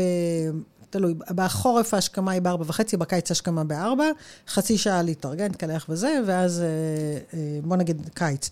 אז ארבע וחצי השכמה, חמש נפגשים בחדר מדיטציה, chanting, מדיטציה, chanting 25 דקות, מדיטציה שעה, ואז עכשיו אתה במדיטציה מהרגע שקמת ועד שאתה הולך לישון. זאת אומרת, אתה בהלך רוח של ריכוז. מה זה מדיטציה? מדיטציה זה לא רק לשבת ו... ולהתבונן. מדיטציה זה אומר שאתה קשוב, אתה מרוכז, אתה נמצא ב-100% בדבר שאתה עושה. ואז, אז לשבת אה, בישיבת לוטו זה רק סוג אחד של מדיטציה. אחר כך המשכנו, המדיטציה אחר כך הייתה בגן ירק, או בניקוי, זאת אומרת, היינו מקבלים תפקידים. חלק הולכים להכין את ארוחות בוקר, חלק הולכים לנקות את המתחם, חלק לגן ירק, חלק להביא מים, כל, כל אחד והעבודה שלו. ואתה ממשיך, זאת אומרת, עובדים בגן ירק באותו ריכוז מדיטטיבי, שבו ישבתי אה, בהיכל מדיטציה. אין שום הבדל. פשוט פה עכשיו אני מעשבת, או שותלת בצלר, או מה שלא עשיתי, לא מדברת עם אף אחד, מרוכזת ב-100% במה שאני עושה. ואחר כך, כשאנחנו אוכלים, האכילה הזאת המדיטציה הכי מורכבת. היינו צריכים לאכול בהלך רוח מדיטטיבי ועם ריכוז uh, טוטאלי. היה לנו הפסקה אחת של שעה, שבה היינו עצמאים, כל אחד עושה מדיטציה באופן עצמאי, אז מישהו עשה, כאילו, לא בתוך תוכנית זה חלק עשו יוגה, אני הולכת לטייל ביער וזה, והיה לנו כל יום חצי שעה חברותה, לפני המדיטציה של הערב, שזה היה חובה, ומה עושים בחברותה? אחרי שכל היום היינו זה, אוכלים שוקולד או ממתקים אחרים ומדברים שטויות. צחוקים וזה, וזה היה חובה, לשבת ולעשות צחוקים ולאכול שוקולד, או ממתקים, כאילו, חצי שעה שהיא אנטיתזה לכל מה שעשינו כל היום, כדי לשחרר, לא להיות קפוא כל היום, ואז עושים את הערב והולכים לישון בזה. והזן בודהיזם אומר לך, תעשה מדיטציה, תהיה קשוב. ותהיה מתבונן, מהרגע שקמת ועד שאתה הולך לישון, ואז איכות החיים שלך תשתנה. לדוגמה, אם אתה רוחץ כלים בהלך רוח מדיטטיבי, אתה מרוכז, אתה לא תוך כדי רואה טלוויזיה, מדבר בטלפון, אז מה שיקרה זה שא', לא תזרוק את כל הכפיות הקטנות לזבל, ולא תשבור כוסות, והכלים יהיו נקיים, או הכי טוב זה לנהוג במדיטציה. זה אומר להיות מרוכז ב-100% בנהיגה. אתה לא שומע את התוכנית הכלכלית ברשת ב', אתה לא מדבר בטלפון, בטח לא שולח אס.אם.אס. כשאתה מרוכז באופן טוטאלי בנהיגה, מה יקרה? יקרה דבר מאוד מעניין, שהרכב לפניך יאט. אתה תשים לב לזה, שילד יקפוץ לכביש, אתה תראה אותו. לנהוג במדיטציה, זה מוריד מיד את כל התאונות שקורות בגלל חוסר תשומת לב, שזה רוב התאונות. אז, אז זן בודהיזם בא ואומר, אל תעשה לי מדיטציה שעה וחצי לסבבה בסלון, זה לא מעניין אותי. תהיה קשוב. ומי הם אז הגאונים האלה? בשו, איסה, אוקיי, עכשיו, מה... המורים הגדולים האלה שהשאירו לנו את השירה המדהימה הזאת, המשוררים. אוקיי, עכשיו אנחנו מדברים על אומנויות הזן, אוקיי? אם אה, אה, לעשות מדיטציה או להיות בהלך, זה לא רק שאני יושב על הספה בסלון או השפת הים בתל אביב, זה בכל רגע. אז למשל, הסמוראים, בואו נלך לסמוראים, הם לקחו את זה, הם עשו קצת הפוך על הפוך, כי הם הפכו להיות רוצחי על בזכות האימון הזן בודהיסטי. הם היו מתאמנים ב- בלחימה בהלך רוח מדיטטיבי, hmm. שהביא אותם לריכוז טוטאלי ולהשיג, כל ספורטאי שהולך היום לאולימפיאדה, יש לו לא רק מאמן כושר, יש לו גם מאמן מנטלי, כי ברור שהריכוז חשוב לא פחות מהיכולות הפיזיות. הריכוז הטוטלי הזה שמאפשר אה, להיות במאה אחוז שלך, ב, בתוך התחרות, אה, זה מה שמאפשר לך את ההצלחה. עכשיו, הם במאה ה-12 כבר אה, ידעו את זה. זאת אומרת, הם, הם השתמשו באותן שיטות מדיטטיביות בלחימה. עכשיו, לחימה בחרב למשל, עזוב את הסרטים הסינים שרבע שעה עפים באוויר עם חרבות. קרב חרבות זה 30 שניות. כן. הראשון שמצמץ עף לו הראש או עף כן. לו היד, כן? כן. אז uh, הם לקחו, לקחו את זה לשם. עכשיו, כשאתה... מה זה טקס תה? כן. זה לא, שלח טקס תה זה לא, טוב, באתי לשתות תה, תשימי לי שני סוכר, או... לא, זה, אתה באת להתבונן במישהו שעושה מדיטציה, ועושה סדר פעולות באופן מדויק ומוקפד, ואתה יושב ומתבונן בעשייה שלו או שלה. בוא נבוא נראה רגע אבל עם, עם הסמוראים האלה. כן. כבר, לא, זהו, זרקת את ה... זה גם משהו okay. שרציתי להגיד לך. Okay. מה זה המוסד הזה? מי הם היו האנשים האלה? נגיע למשוררים. אנחנו כן. נסיים עם המשוררים כנראה, אבל... סמוראי. סמוראי. אוקיי. Okay. אה, וכשנגיע למשוררים, אני, אני רוצה רק אחרי... אני, אני רושם לעצמי. כן, משוררים, כי זה, זה, אנחנו נסגור uh, מעגל עם ההתחלה. זה, יאללה, אנחנו נגיע למשוררים. כן, כן, זה, זה יש לי ציטוט של שיר זן שיסגור מעגל עם ההתחלה. יאללה, מעולה. Uh, סמוראי. אוקיי, סמוראי, אוקיי. סמוראי ביפן, ביפנית של המאה ה-12, uh-huh. סמוראי זה משרת. אוקיי? אנחנו, יפן מדינה פאודלית. יש קיסר, שהוא השליט, ששולט ביפן, אה, ובכל אזור יש לנו שליט אזורי, כמו הפאודלים באירופה, קורא להם דיימיו. אה, יש לו את השטחים שלו, גרים שם איכרים, הם מאבדים את האדמה ומשלמים לו מיסים, ויש לו משרתים שמשרתים אותו בעיר עתירה וכן הלאה. במאה ה-12, השלטון המרכזי מתרופף. אה, הקיסר, אה, על פי המסורת היפנית, הקיסר היו לו שלושה כובעים, הוא גם היה השליט הצבאי, גם השליט הפוליטי וגם הכהן הראשי של דת השינטו. כהן ראשי, אף אחד לא נגע בזה, אבל שליט פוליטי וצבאי, שם אה, מתחילים להתהוות כוחות של אה, פאודלים כאלו דיימיו שמתחזקים, אה, ומתחילות מלחמות אזוריות, וכל ה... אה, אה, כל, רגע, לא, לא, סליחה, צעד, צעד לפני זה, mm-hmm. למה הם מתחזקים? רגע, סליחה. בחצר הארמון, בחצר הקיסר, יש בעיות. יש לו משפחה של מחותנים, הם מתחתנים הרי עם בני אצילים, שהם רוצים להשתלט על השלטון, הם, uh, הקיסר הופך להיות קיסר בובה, כל השלטון המרכזי מתערער, ואז, ואז השליטים האזוריים אומרים, זאת ההזדמנות שלנו, uh, לא צריכים לשלם עכשיו מיסים, כי כל מנגנון הגבייה התערער. Uh, המיסים היו משלמים אותם באורז. Mm-hmm. אה, אם לא משלמים מיסים, יש לנו עודף כסף, עודף אורז. מה עושה מדינה שיש לה עודף כסף? משקיעה בחינוך, בתשתיות? לא, בונה צבא. נכון? צבא זה משהו שעולה המון כסף, ולא מייצר שום דבר. זה תענוג של מדינות עשירות, כמונו, כן? אז, אז אותם שליטים אזוריים מתחילים לייצר צבאות, כדי להתחיל לכבוש את הנחלות של השכנים שלהם. מאיפה הם יביאו את הצבא? יש להם משרתים. איך אומרים משרת ביפנית? 112 סמוראי. Mm. הם הופכים את המשרתים שלהם ללוחמים. מתחילים להתאמן בירייה וחץ וקשת, בלחימה בחרב, חרבה על סוסים. הם יוצרים צבאות ומתחילים להילחם אחד בשני. זאת מלחמת האזרחים הראשונה שהייתה ביפן במאה ה-12, ו... אה, ומשם מתחיל להתפתח מעמד הסמוראים. Mm. אוקיי? משם... אלה החילות הפרטיים של אותם שליטים אזוריים. אה, לאט לאט התפתח, קוד הבושידו לא מתפתח ביום אחד, דרך הסמוראי. אה, אה, הם הופכים להיות לוחמים שהדבר החשוב ביותר בהתנהלות שלהם זה הכבוד והנאמנות. Mm. אלה הערכים החשובים ביותר. מה אצלנו הערך החשוב ביותר בעולם שלנו? הדבר הכי חשוב. הכי חשוב? לא יודע, אז יש כל מיני אופציות. יש אחד, נו. זרקי. קדושת החיים. אה, כן? זה הכי חשוב? חכי, כן. חכי ותראי שנתחיל להלהיב פה קצת את הרוחות, עוד שנייה זה הרבה יותר חשוב להביא פרה אדומה מאשר החיים של בן אדם כזה. עד היום לפחות, כן. נכון? קדושת החיים. אז זה היה, זה היה אחד מהערכים הבולטים, כן. כן. יפן, כבוד ונאמנות, עד היום. אתה לא יכול להבין את ההצלחה הכלכלית של, המפ... של החברות היפניות בלי להבין את הבושידו. כי המקום הזה שהכבוד והנאמנות יותר חשובים מהחיים, זה המקום שלקח את, החבר... את הכלכלה היפנית קדימה. הנאמנות למקום עבודה יותר חשובה ממני, מהחיים שלי. אנשים עובדים באופן שאנחנו לא עובדים בעולם המערבי, כן. מתוך הנאמנות הזאת. אז, אז קוד הבושידו בנוי על כבוד ונאמנות, כן? אנחנו חיים בקבוצה, הקבוצה יותר חשובה ממני, הפרט. אה, אנשי ספרא וסייפא, חרב וספר. אה, ביום מתאמנים בלחימה, בלילה אה, קוראים שירה, כותבים שירה, מציירים, עושים מדיטציה.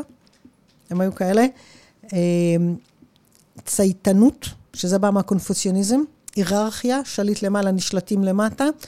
יחסים של נאמנות הדדית, שוב, זה בא מהקונפוציוניזם.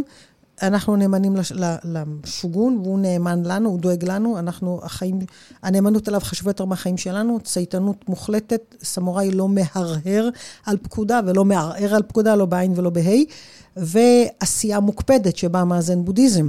עשייה שלמה מתוך מקום מדיטטיבי, חוסר פחד מהמוות, כי הבודהיזם מלמד אותך לחיות ברגע הזה. כשאתה חי ברגע הזה, אתה לא מפחד מהמוות, אתה יוצא לקרב עם נוכחות מלאה בכאן ובעכשיו, ואתה נלחם באופן הירואי כי אתה לא נמצא במקום של פחד. והסמוראים אה, יהיו מעמד העל ביפן. הם יהיו מעמד העל ביפן, ואחר כך... אה, אה, הייתה מלחמת אזרחים מאוד ארוכה שתסיים 1603, מה שדיברנו מקודם, ואז הסמוראים הופכים להיות הבירוקרטים של יפן, כי אין מלחמות, יש שלום. אז הם הופכים להיות שמנהלים, עמוד השדרה הבירוקרטי, הם אלה שנמצאים בכל העיירות, בכל מקום, המועצה המקומית ששולטת עבור השוגון, והערכים שלהם מחלחלים אל תוך העולם היפני המודרני, ולכן אם אתה רוצה להבין את הלך הרוח היפני היום, אתה חייב להבין את הבושידו, ולזכור שכבוד ונאמנות זה יותר חשוב מהחיים.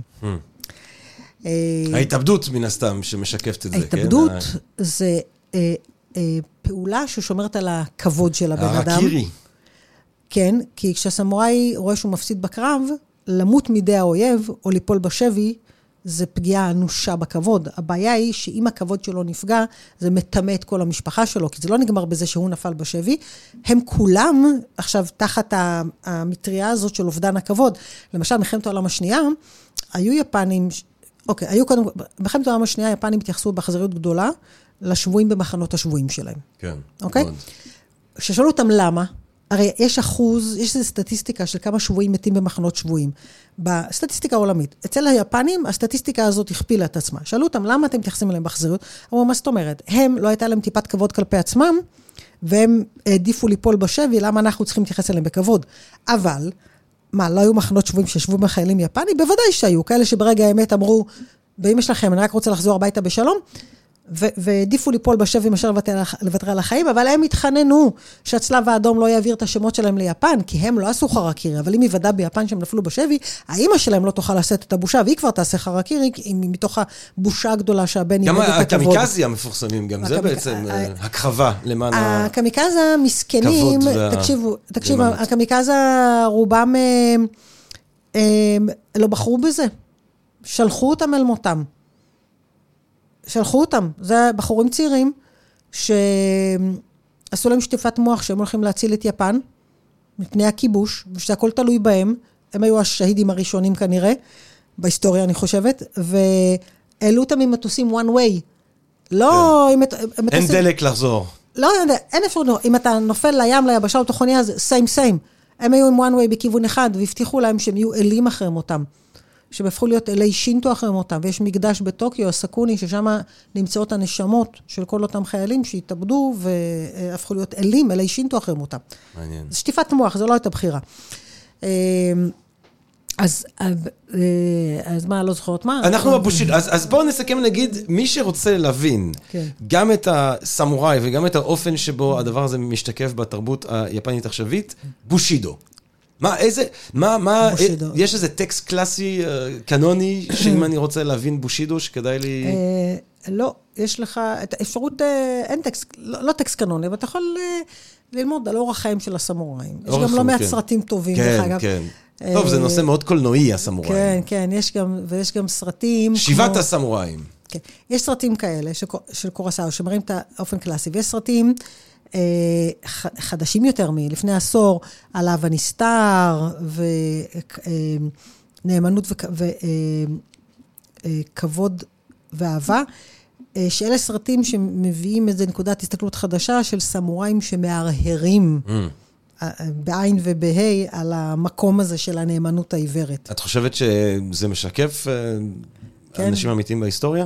אה, היה הירוק. שכזה? היו? אני מאמינה שבוודאי שהיו, כמו במלחמת העולם השנייה, היו כאלה שאמרו, מה זה השטויות האלה? כן. למה להתאבד עכשיו? תנו לי לחזור הביתה. כן, לגמרי. האנשים השפויים. כן, תמיד... אמ, את יודעת מה, לפני שאנחנו נסגור עם המשוררים, כן. יש עוד איזה חלון מבין כל החלונות המרתקים שפתחנו כאן, שאני רוצה שנחזור עליו, וזה הסוג של מלז שמדברים עליו היום ביפן, עם היעדר ילודה, עם אנשים צעירים שמתנתקים אה. קצת מהעולם ומתבודדים, עם ה- אה, זה שכבר לא, או פחות אומרים, מקיימים יחסי מין. זה כמה נושאים שונים. כן. אה, זה לא כאילו פותח פה כמה של- דלתות. כן. לא, יש פה כמה דלתות. קודם כל, ילודה. הילודה ביפן ב-1950, אחרי מלחמת העולם השנייה, כשעדיין הרבה אנשים גרים בכפרים, 3.6 ילד למשפחה. עכשיו, אתה רואה, יש טבלאות מדהימות שמראות איך הילודה יורדת, יורדת, יורדת, וזה הולך עם תהליך האיור. ככל שאנשים עוזבים את הכפר ועוברים לעיר, אז קודם כל, בכפר צריכים ילדים כי זה כוח עבודה, הם עובדים, אין, לא מביאים פועלים מתאילנד או מהפיליפינים, הם התאילנדים של עצמם, כן? אז עובדים בשדה, אז ככל שעוברים לעיר, ועכשיו לא צריכים את הילדים כוח עבודה, כי אני עובד במפעל ויש לי פנסיה, ולא הילד צריך לפרנס אותי, אז מספר הילדים יורד ויורד ויורד, ואז הבתים נהיים מאוד קטנים ומאוד צפופים, ונהיית התחרות המטורפת הזאת על הלימודים, על להגיע לבתי ספר פרטיים, שעולים הון כסף. יש מערכת חינוך ביפן ציבורית נפלאה, מעולה, אה, אבל המערכת החינוך הפרטית היא עוד יותר טובה, ומי שלומד מערכת החינוך הפרטית, יש לו סיכוי יותר טוב להגיע לאוניברסיטה ולהיות מהנדס בסוני ולצאת לפנסיה טובה, אוקיי? אז בעוד מערכת החינוך הפרטית היא בחינם, הציבורית עולה הרבה כסף. אז אם אתה רוצה לגדל כמו שצריך, אתה צריך להשקיע המון המון כסף בבתי ספר פרטיים, אז צריך לעבוד נורא קשה. הבתים קטנים, אין הרבה מקום, ואז הילודה מצטמצמת, כי ילד אחד, אנחנו יכולים לגדל אותו אה, עם משכורת שתספיק ללימודים הפרטיים שלו, או הגודל של הבית, וגם היפנים לא מגשימים את עצמם דרך הילדים. אצלנו יש את הקטע המאוד מהותי הזה של אם אין לך שלושה ילדים, או שני ילדים וכלב, אז אתה... אנשים פה שבוחרים לא ללדת, עושים להם את המוות הרי. כן. ביפן, אף אחד לא נכנס לאף אחד לרחם, ואם אנשים בוחרים, כאילו, אתה לא מגשים את עצמך דרך ילודה. אוקיי? זה קצת אחרת, אז אין כזה לחץ, ומספר הילודה יורד, יורד, יורד, וב-2005 מגיעים למספר הבעייתי של ילד 25 למשפחה. עכשיו, זה נתונים דרמטיים, כי כדי שהחברה לא תזדקן, אנחנו צריכים שני ילדים למשפחה. 2.1, כי יש גם תמותת ילדים. ובאירופה, שגם יש להם אחוזי ילודה נמוכים, פתרו את זה בזה שפתחו למהגרים את הדלת. אוהבים האירופאים את המהגרים שלהם? כן. לא. לא לא, את אבל, אבל הם לא, אבל הם לא מבינים עד כמה שהם זקוקים להם, כן. אבל העלו להם אחוזי ילודה. יפן היא מדינה גזענית, לא רוצים שם תעשייתים, לא רוצים זרים. הם לא מאפשרים הגירה ליפן, והם נשארים עם אחוזי ילודה נמוכים. הם מנסים כל הזמן לעודד את זה, בעיה. היום הממוצע זה 1.3. אז זאת בעיה מאוד קשה של אחוזי ילודה, שקשורה אה, אה, אה, פחות במודרניזציה, יותר, זה כבר תופעה, כמו שאמרתי, הידרדרות שמתחילה ב-1950, כשהחברה עוברת איור שזה הולך ויורד. כן. עכשיו, מה קורה היום מבחינת אנשים צעירים? החברה הזאת, כמו שאמרתי מקודם, אין שם עולם של תמיכה נפשית, אין פסיכולוגים, אין תהליכים נפשיים שאנשים עושים. הרבה אנשים חיים שם במצוקה גדולה, רגשית, אבל אין לזה מקום לבטא את זה, אין מקום לטפל בזה, אין מקום להכיר בזה, ואנשים נסגרים בתוך עצמם. למשל, הילדים שמסתגרים, בוודאי התופעה המאוד מוכרת, שמסתגרים בחדרים ולא, ולא יוצאים כן, משם. כן. זה ילדים בדרך כלל מאוד רגישים, שמערכת החינוך הכל כך תחרותית ודורסנית הזאת, זה too much בשבילם. כן. ואין נשברים, מה, כאילו. אין את המקום הזה של להגיד, אוקיי, בוא נלך לבית ספר דמוקרטי, בוא נעשה טיפול פסיכולוגי. לא נורא, אז אתה לא, תעשה, לא תעשה חמש יחידות מתמטיקה, אבל בסדר, אתה תלמד, אחר כך תהיה אומן. המקום הזה, כי הוא, הוא, אני לא אגיד שהוא לא קיים בכלל, אבל הוא כמעט ולא קיים. והילדים האלה לפעמים, הם פשוט לשמור על השפיות שלהם, הם פשוט מתנתקים. מת, מתנתקים, יש גם ילדים שמתאבדים, אבל הם מתנתקים לחלוטין ונסגרים בחדר, פשוט זה, זה מין שחור לבן כזה. זה או-או. כי המערכת הנוקשה הזאת מיישרת פנימה את כל העופות המוזרים, ויש כאלה שהם, שהם עופות מוזרים, אה, אה, שהם רגישים מדי למערכת. ההורים מפחדים ללחוץ עליהם, כי הם מפחדים פחד מוות שהילדים יתבודדו. אז הם נותנים להם להיות סגורים כל היום בחדר עם המחשב שלהם, עם הטלוויזיה. האמא שמה מגש עם אוכל בחוץ, מחוץ לדלת. הילד יוצא, בלילה כשהורים ישנים, הוא יוצא לשירותים או למקלחת. הם לא רואים אותו והם לא לוחצים עליו, אבל שוב, אין את המערכת תמיכה הנורמלי שיבוא פסיכולוג ויגיד להורים מה לעשות. זאת נקודה מאוד כאובה, אבל זה לא שיש מיליוני ילדים כאלה, זה, זה מאוד מפורסם כי זה קיים, אבל זה לא ב... אתה יודע, במספרים. רוב הילדים מתיישרים יפה מאוד בתוך המערכת הזאת. עכשיו, אנשים צעירים היום, אה, יש גברים שלא רוצים להתחתן, כי הם נכנסים למערכת שבה הם הופכים להיות, הם עבדים של מקום העבודה, והם צריכים, חייבים את הכסף להביא הביתה, כי הילד צריך ללכת לבית ספר, כי צריך לחנך, צריך כסף, צריך... יש נשים שלא רוצות להתחתן, כי בשביל, ברגע שהיא מתחתנת, היא גמרה עם החיים הנחמדים שלה. עכשיו היא אשת איש, התפקיד שלה זה להיות עקרת בית. הן חוזרות לעבוד, לא כולן, חלקן, אבל עדיין התפקיד המרכזי שלה זה להיות עקרת בית. חלקם כבר לא רוצים את זה, אבל שוב, זה לא באחוזים מטורפים. רוב החברה היפנית עדיין חיה באופן השמרני. מתחתנים, עם ילד, האישה עוזבת מקום עבודה, התפקיד העיקרי שלה זה להיות עקרת בית, גם אם היא חוזרת לעבוד זה רק כשהילד יהיה בן שלוש, כי מערכת החינוך הציבורית ביפן מתחילה בגיל שלוש, והיא תעבוד בדרך כלל 50% משרה וקרוב לבית, היא לא יכולה לעשות קריירה ולהיות אימא. ביפנית אין מילה לקומבינה. מה שאתה עושה, אתה צועק כמו שצריך. יש שני כללים. אמרנו כלל ראשון, הכלל חשוב יותר מן הפרט. הכלל השני, מה שאתה עושה, אתה עושה כמו שצריך והכי טוב שאפשר, ולא משנה מה. עכשיו, להיות אימא זאת קריירה במשרה מלאה. לעבוד במשרה לא משנה מה, זאת קריירה. את לא כן. יכולה לשלב שתי קריירות ביחד. אתה יכול להיות גם אימא, וגם לעבוד במשרה מלאה. אז את רוצה לעשות קריירה, תעשי קריירה, לא יעצרו אותך, אבל את לא תוכלי להיות אימא, אז את לא תתחתני ולא תביאי ילדים. ו- והמקום הזה, בעיקר המקום הכואב ביותר, זה המקום של הניכור הרגשי, של המקום הזה ש- ש- של הרגש לא מקבל ביטוי. זה מקום דורסני לרגש, וזה אולי הכאב הכי גדול שיש לי על uh, יפן. מילה למשוררים. שוררים. המשוררים האהובים האלה שלנו. אוקיי. הייקו. הייקו, מתפתחות אומנויות שונות מתוך תרבות הזן. אז דיברנו על טקס התה, ויש גם אה, אומנות של אה, עיצוב גנים, ושזירת פרחים, ואומנויות במה. שמה שמשותף לכולם זה הריכוז, אה, הריכוז, הריכוז, ההתעמקות, ההתחברות לדברים שבתוכם אתה נמצא. ושירי הייקו הופכים להיות אה, גם כן חלק מאומניות הזן, ששירי הייקו יש להם תבנית מאוד ברורה של כמה הברות בשלוש שורות, כשההנחיה היא כזאת, אתה בכמה הברות בודדות, כאילו, כמה מילים שעוברות כמה הברות, אתה צריך לבטא איזשהו הלך רוח. אתה צריך לתת מילה ש, שתגיד לנו איפה בשנה אנחנו נמצאים, באביב, בסתיו, בחור, שאנחנו נדע איפה אנחנו בשנה נמצאים, שנדע משהו שקשר אותנו לטבע או למקום שבו אנחנו נמצאים. אתה צריך שתהיה לך איזושהי אמירה, ואתה צריך שם את הדיוק המיקרוסקופי הזה, כדי להביע במספר מילים בודדות סיפור שלם. כן. וגם שיהיה לזה את הסטורי הזה, את כאילו, את ההתעוררות כן. של התשומת לב הזנית. והמקום הזה שאתה מצליח, כמו עם איזמל מנתחים, להביא משהו מדויק מאוד מאוד במספר מילים בודדות. עכשיו, שירי אייקוך, אה, יש יפים רבים ושונים. יש שיר אייקו אחד שהוא מאוד אהוב עליי, והוא אה, אנטיתזה אה, לחלק גדול מהדברים שאני אומרת על יפן. או, ניגודים. התחלנו עם ניגודים. איסה. משורר יפני, שכותב את השיר הבא. עולם הטל. או, אני חשבתי על זה! זה בדיוק מה שחשבתי עליו! על עולם הטל? כן, שהבת שלו, הוא מאבד את הבת שלו. רגע, ואז... רגע, רגע, אל אה, תקל לי את הפואנטה. סליחה, סליחה, סליחה. רגע, עולם הטל, אכן עולם הטל, אבל. אבל. זה בעיניי שיר אייקו המופלא, מאוד מאוד, אה, מאוד מאוד חתרני. אבל כל כך אנושי, כל כך אנושי. יפה. עכשיו, מה הסיפור? צריך, בוא נלך אחורה, כי צריך מה זה עולם הטל. עולם הטל זה מושג בבודהיזם. בודהיזם אומר, הכל חולף, הכל נמצא בשיטות... הסבל שלנו נגרם בחיים בגלל ההיאחזות שלנו בדברים. אני קמה בבוקר, נראה עוד כמת, אני נכנסת לדיכאון, למה מה חשבתי? שאני אראה היום כמו שנראיתי בגיל 29, כן?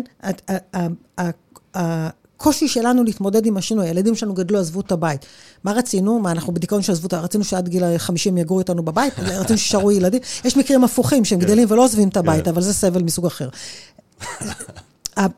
ההשתנות המתמדת זה הדבר הקבוע היחידי בחיינו, הכל נמצא בהשתנות מתמדת. כמו טל הבוקר, הכל מתהדה. עולם הטל, כן, הטל נמצא שם והוא נעלם. זאת ההשתנות. כאילו, אל תנסה להיאחז בדבר שחולף, כי הסבל נמצא שם. אם אתה תבין שהכל נמצא בהשתנות מתמדת ולא תצפה שהרגע הזה ייראה כמו הרגע הקודם, אתה תוכל לנקות מחייך אלמנטים רבים של סבל. אז עולם הטל זה המושג, אתה אומר עולם הטל, אתה אומר, אוקיי, חלופיות, השתנות, לא להיצמד לדבר שאני מחזיק בו כרגע, אם אני נצמד עליו, אני אחווה חבל, סבל ברגע הבא כשאני אאבד אותו, שאולי יש לנו שהוא ישתנה.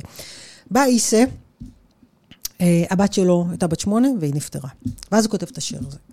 ואז הוא אומר, עולם הטל, נכון, אה, יש את ה... אני יודע, הכל בשנות מתמדת, הבודהיזם אומר את זה מאוד יפה. שהוא, שהוא מדבר על המוות, הוא אומר, רק מה שהיה קיים מהנצח, יהיה קיים לנצח. כל מה שנוצר, דינו להתכלות. אם נולדת, זה סימן שתמות. Mm. עכשיו, את אומרת, בטח, מה, היום, אבל אנחנו חיים כאילו שנמות מחר, שנמות כן. מתישהו, אנחנו חיים כאילו נחיה לנצח. יש גם את הסיפור היפהפה הזה על בודה, שמגיעה אימא שמאבדת את הבן, נכון. והיא היא, היא, היא, היא לא יכולה מהיגון, מהכאב, מהסבל, היא לא, היא לא יכולה, אתה יודע, הדבר הכי נורא שיכול לקרות, היא שומעת שיש איזה מורה, איזה גורו, אז היא באה אליו ואומרת, תעזור לי, תחיה אותו. והוא אומר לה, אם את מביאה לי גרגר של חרדל מבית שבו אין סבל, אז אני אוכל לעזור לך. ואז היא הולכת בית-בית ומבינה שבכל בית יש סבל, ושהסבל הוא גורל לאדם. אבל... רגע, רגע, אני אמשיך את הסיפור. בבקשה, כן. עוד משפט אחד. בטח. היא, היא עוברת בית-בית, והיא מבינה שאין בית שלא חוו בו סבל, אבל גם בכל בית מספרים לה מה היה הסבל ואיך הם התגברו עליו. כן. כי המוות... הבודהיזם מפריד הרי בין כאב לסבל. הכאב הוא בלתי נמנע. כשבאנו לחיים האלה, אף אחד לא הבטיח לנו חיים שאין בהם כאב, אוקיי? והטיב של הכאב, זה זה שהוא מתפוגג עם הזמן. אם הכאב היה נשאר בעוצמות הראשוניות שלו, אנחנו לא היינו יכולים לשרוד נפשית אחרי שאדם יקר לנו הלך לעולמו. תמיד באיזשהו שלב הכאב מתפוגג, מתעמם, ואז אנחנו יכולים להמשיך הלאה. ובכל בית כזה היא שומעת את הסיפור על הכאב שהם חוו, על הסבל שהיה במוות, אבל איך זה התפוגג והם חזרו לחיות. כן. וזה מה שמשקם אותה. והסבל זה כבר, טוב, לא ניכנס לבודהיזם, רק לפני שנחזור לעולם הטל. אז הבודהיזם אומר, מה שהיה קיים קיים לנצח. נולדת סימן שתמות, תבין את זה, תבין את זה, ואז אתה פחות תיאחז בחיים האלו, כי תבין שאף אחד לא, אחד לא חי לנצח. עכשיו, אומר איסה, עולם הטל, נכון, אני יודע כל מה שנולד, דינו להתקלות, טה-טה-טה. אכן עולם הטל, הכל הבנתי, הכל הבנתי, אני יודע חלופיות, אני יודע הכל. אבל, אבל, הבת אבל. שלי מתה, כן. וזה קורע את ליבי, ואני כל כך מתקשה להתמודד עם זה. וזה בעיניי... זה שיר אייקו שאני הכי אוהבת. נכון. והוא הכי אנושי. כן. והוא שם את המקום הזה של המוקפדות היפנית, והסדר היפני, והערכים היפניים. זה נותן חריץ מאחורי כן, זה. כן, חריץ, יש אנושי, אבל, אבל, אבל כואב לי עכשיו. האמת, זה הזכיר לי שעשו פה פעם ניסוי אה, שמראים סצנות מאוד קשות של תקיפת כריש לאנשים ערבים ולאנשים יפנים, וזה לא שאנשים יפנים לא מגיבים באותה צורה, הם פשוט מגיבים ואז מפסיקים את התגובה. זאת אומרת, גם אם לכאורה מאחורי ההקפדה הזאת, אה, זה נראה כאילו קצת לא אנושי, יש שם מן הסתם אנושיות, וזה מה שכל כך גם יפה בשיר הזה. כן. האנושיות מאחורי גם אפילו המורה הבודהיסטי כן. הגדול, שצריך לדעת לקבל את זה בצורה אה, ברוכה כחלק מהעולם הטל, אבל. נכון. עולם הטל, אכן העולם כטל, אבל. אבל. איילת היידלברג! גם הפגישה שלנו היא כמו טל. וואי, נכון, נכון. אבל זה היה טל אה, מבורך ומעניין ומרתק וכיף ומבורך. הלוואי עלינו אה, רק אה, טל שכזה. בחיים, חיים כטל האלה שלנו. תודה רבה, רבה, רבה, רבה. אריגתו. אני uh, מודה לך מאוד, באמת. תודה לך. על הנדיבות שבה שיתפת uh, אותנו בידע שלך, ובניסיון שלך ובמחשבות שלך. כיף גדול. תודה. ואני רוצה להזכיר לכל הקהל הקדוש שאפשר לשמוע אותך עוד מחצב על סרטים, ודווקא אני הייתי מה זה שמח.